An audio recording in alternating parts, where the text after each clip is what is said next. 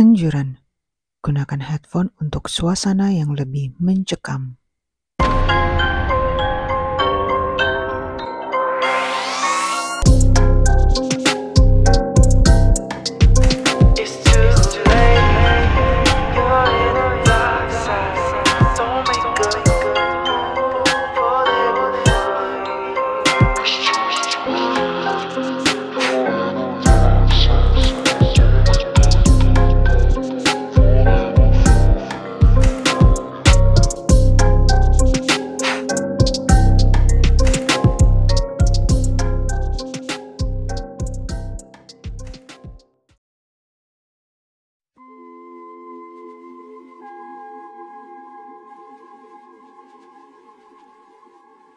Aku sudah sering mengalami kejadian-kejadian aneh di rumahku.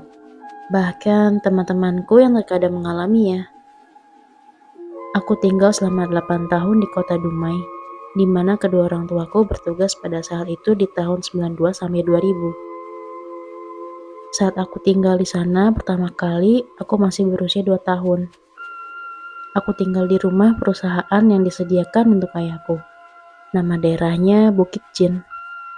Ya, sesuai dengan namanya, konon memang tempat itu adalah kerajaan jin dan banyak orang mengalami penampakan. Di saat masa kanak-kanakku, ada beberapa kejadian yang dialami oleh anggota keluargaku selama tinggal di sana. Dulu aku memiliki seorang nenek buyut yang tinggal bersamaku. Aku lupa nama beliau, tetapi beliau sangat menyayangiku. Nenekku pada saat itu sudah berusia 80-an tahun. Namun beliau di usia senja itu tidak mau tidur di kamar ber-AC yang disediakan untuknya. Beliau lebih memilih di kamar pembantu karena beliau tidak kuat menandingin AC. Kamar beliau hanya berukuran kecil dan berantakan karena memang diperuntukkan untuk pembantu. Pada suatu tengah malam, di saat kami sekeluarga sudah terlelap, ada seseorang yang mengetuk jendela kamar beliau. Mendengar ketukan, beliau pun terbangun dan membuka jendela. Setelah melongok keluar, nenek melihat sesosok anak kecil. Ada apa nak? Tengah malam ini mau ke mana? Tanya nenekku. Mbah, antarkan aku pulang, mbah. Ke mana, Lek? Ke kuburan. Tiba-tiba saja setelah menjawab itu, wajah sang anak berubah pucat dan ada lingkaran hitam di matanya. Serta itu seketika hilang begitu saja. Kejadian ini dialami di rumah yang sama, tetapi dialami oleh tanteku. Pada suatu hari, tanteku terbangun di tengah malam. Ia tak sanggup menahan untuk ke WC. Akhirnya ia beranjak dari kasurnya. Letak kamar mandi tak begitu jauh, karena bisa tembus langsung dari kamarnya. Saat ia membuka pintu kamar, ia dikejutkan dengan kehadiran sesosok makhluk kecil berkulit putih kecil tengah berdiri di depan WC. Hihihihi. Begitulah ia tertawa di depan tanteku. Seketika ia pingsan. Ya, sosok itu adalah tuyul. Berkepala botak, berkulit pucat dan bertubuh kecil. Selama aku tinggal di sana, aku tidak pernah mengalami hal-hal yang aneh. Yang paling sering aku alami adalah terdengar suara ayahku memanggil-manggilku. Padahal ayahku sedang bertugas di Jakarta, jadi tak mungkin ia memanggilku.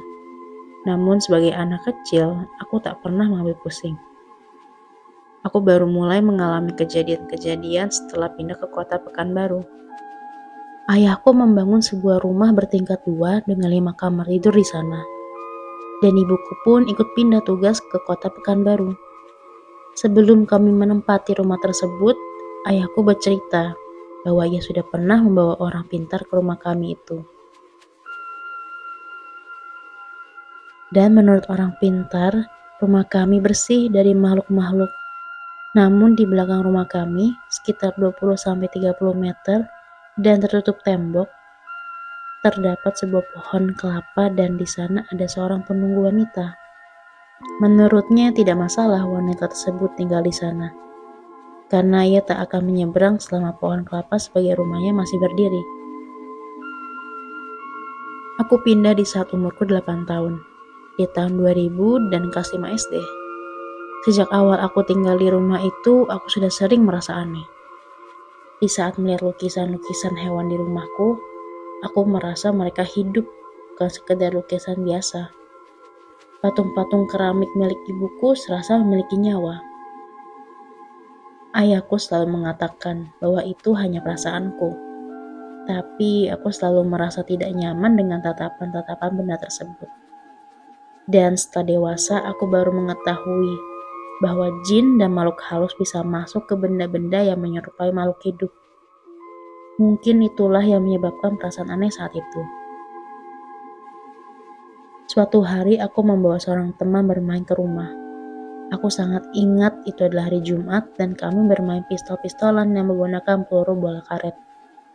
Saat itu kami bermain dekat beranda, menembaki buah-buah ceri yang tumbuh di halaman belakang yang dimiliki tetanggaku dan dibatasi tembok belakang rumahku. Setelah asik bermain tembak-tembakan, peluru kami habis dan temanku berinisiatif mengambil di dalam kamarku.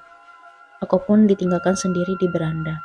Kebetulan beranda rumahku ini terdapat celah-celah sehingga aku bisa melihat apa yang ada di balik tembok berandaku. Aku terkejut melihat sebuah kepala wanita melayang-layang terlihat di salah satu celah. Aku berteriak, "Hantu! Hantu!" Jadi-jadinya, temanku segera datang dan bertanya, "Mana hantu?" Namun makhluk tersebut telah lenyap dan aku sangat yakin melihat wanita itu. Dan dari beranda rumahku itu, aku bisa melihat pohon kelapa yang kata orang pintar menjadi tempat tinggal sesosok wanita. Namun aku melihat pohon kelapa tersebut telah hangus terbakar dan sudah hampir habis. Apa jin wanita itu menyeberang karena rumahnya telah lenyap? Pikirku. Pernah aku selalu melihat bayangan kilat di jendela setiap kali aku membuka pintu kamar kedua orang tuaku. Awalnya aku merasa heran namun lama-kelamaan aku merasa biasa saja.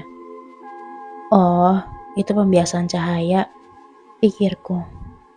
Ya, karena memang pintu kamar orang tuaku terdapat televisi besar. Mungkin cahaya televisi itu memantul ke jendela seberang menjadi sebuah kilatan. Jadi, aku tambah pusing asal kilat itu. Hari ke hari, aku cuekin aja kilat itu. Sesudah beberapa hari, aku lupa tepatnya hari apa, atau hari keberapa, saat aku membuka pintu kamar kedua orang tuaku, kilat tersebut kembali muncul. Namun, kali ini berubah menjadi sebuah tangan putih melambai-lambai kepadaku seakan akan pergi. Aku hanya bisa melongok melihat kilat itu, berubah menjadi sebuah tangan dan semenjak itu, aku tak pernah melihat kilat atau tangan itu lagi di jendela rumah depan kamar kedua orang tuaku. Aku heran, begitu banyak keanehan yang terjadi hanya akulah yang mengalaminya. Kakak dan abangku pernah, namun hanya satu kali. Sedangkan aku yang paling sering. Setiap aku adukan kedua orang tuaku, ayahku selalu berkata, itu adalah hayalanku saja. Namun kejadian-kejadian terus terjadi. Aku juga sering ditampakkan pembantu ketiga. Ya di rumahku ada dua orang pembantu, namun entah dari mana tiba-tiba ada sosok yang lain yang muncul dan itu bukan kedua pembantuku. Di saat aku kecil, aku sangat akrab dengan pembantuku. Kami sering bercerita, bercanda, dan bersanda gurau. Suatu ketika pembantuku sedang lantai dua, dan aku mengikutinya mengajaknya bercerita. Lalu karena suatu lain hal, ia turun duluan dan aku menyusul. Saat menuruni tangga, aku melihat pembantuku berbelok ke arah kiri menuju ruang tamu. Maka aku susul ia ke sana. Namun aku tak menemui siapa pun. Bati, Bati, panggilku. Apa dek? Jawabnya. Namun bukan dari ruang tamu, melainkan dari dapur. Aku terkejut. Lalu siapa yang aku ikuti ke ruang tamu? dan aku seperti melihatnya menggunakan baju loreng kecoklatan. Suatu hari, seorang sahabat bernama Wira datang ke rumahku. Ia datang bersama seorang ustadz bernama Ustadz Amir. Aku dan Wira sudah bersahabat sekitar empat tahunan saat itu. Dan ia sendiri sudah tahu betapa angkernya rumahku, karena sudah biasa menginap di rumahku. Bang, nginep yuk. Ah, bang gak bisa gas. Pagi besok ada urusan pagi-pagi banget, jelasnya. Sama Ustadz Amir aja gimana? Gimana Tat, rumah gagas ini angker loh, ajaknya sambil menyeringai. Awalnya Ustadz Amir menolak, karena kami berdua memang tidak akrab, bahkan baru beberapa kali ketemu. Namun aku memaksanya sambil memohon. Biarlah aku ditemani Ustadz Amir malam ini, daripada terjadi apa-apa, walaupun aku tak mengenalnya dengan baik pikirku. Akhirnya setelah dibujuk, beliau menerima ajakanku dengan syarat aku mengantarkan ia keesokan paginya ke rumahnya yang berjarak sekitar satu jaman dari rumahku.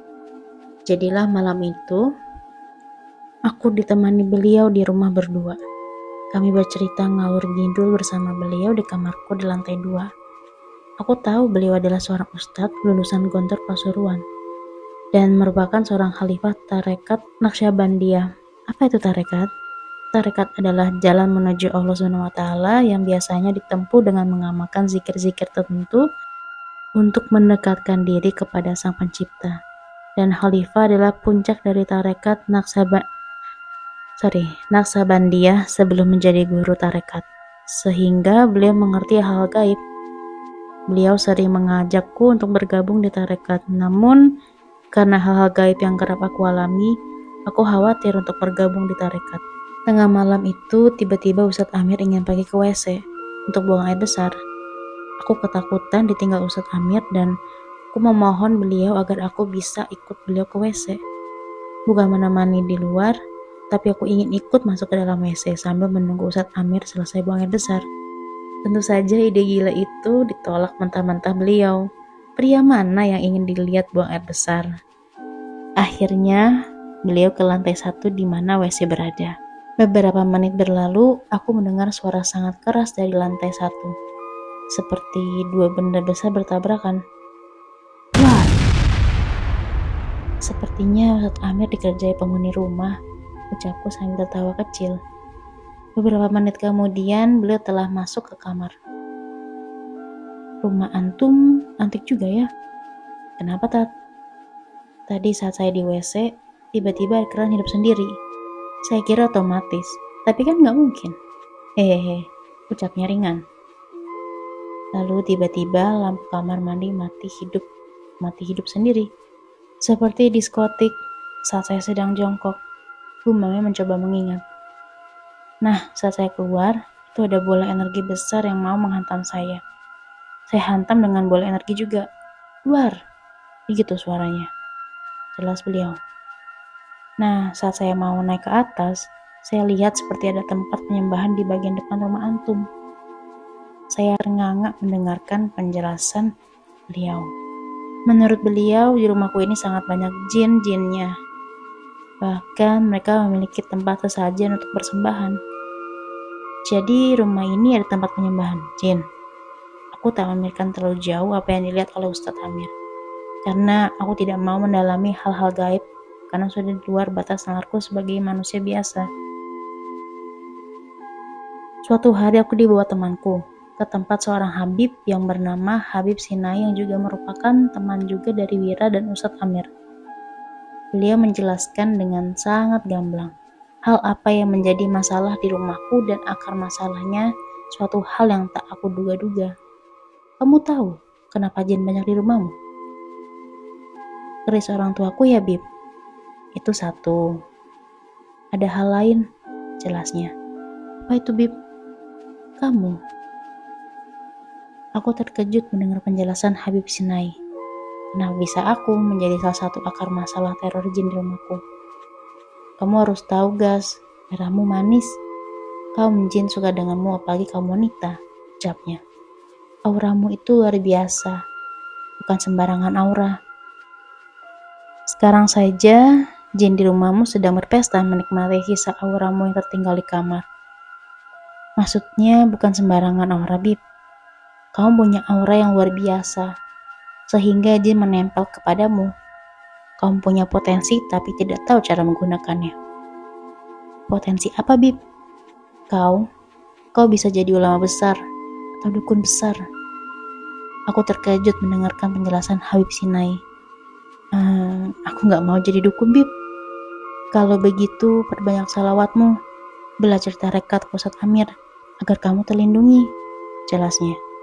Kalau kamu masuk tarekat, kamu akan terlindungi dan tak akan diganggu jin lagi. Tambahnya. Semenjak itu aku mulai perbanyak sholawat.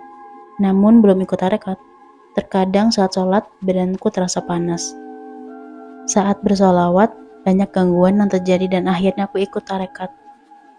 Dan alhamdulillah, semenjak itu aku terlindungi dari mereka. Kenapa? Ternyata tarekat Naksabandia, Ustadz Amir, bukan sembarangan tarekat. Namun tarekat yang memiliki silsilah keguruan yang jelas tersambung hingga Rasulullah SAW dan amalannya pun bisa dipertanggungjawabkan. Ibarat hadis yang harus jelas asal usulnya dan sanat hadisnya. Sanat tarekat Ustadz Amir sangat jelas. Semenjak itu hidupku berubah. Selain aku semakin mengerti dunia gaib, aku pun semakin dekat dengan Allah SWT. Dan alhamdulillah makhluk-makhluk gaib itu tak lagi berani menggangguku. Uh, panjangnya ceritanya ya. Terjadi si siapa nih? Sorry sorry.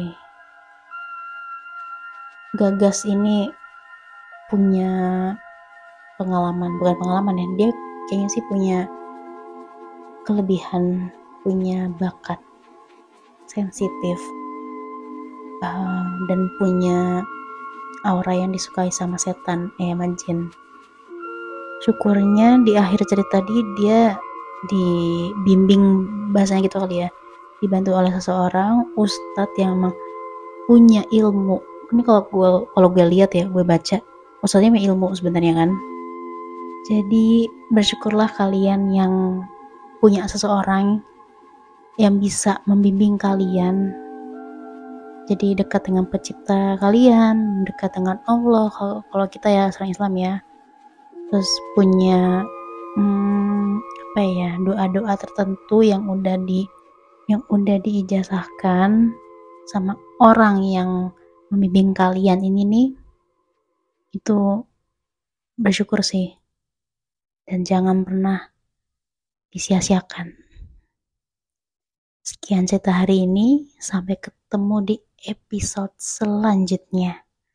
Bye bye selamat merinding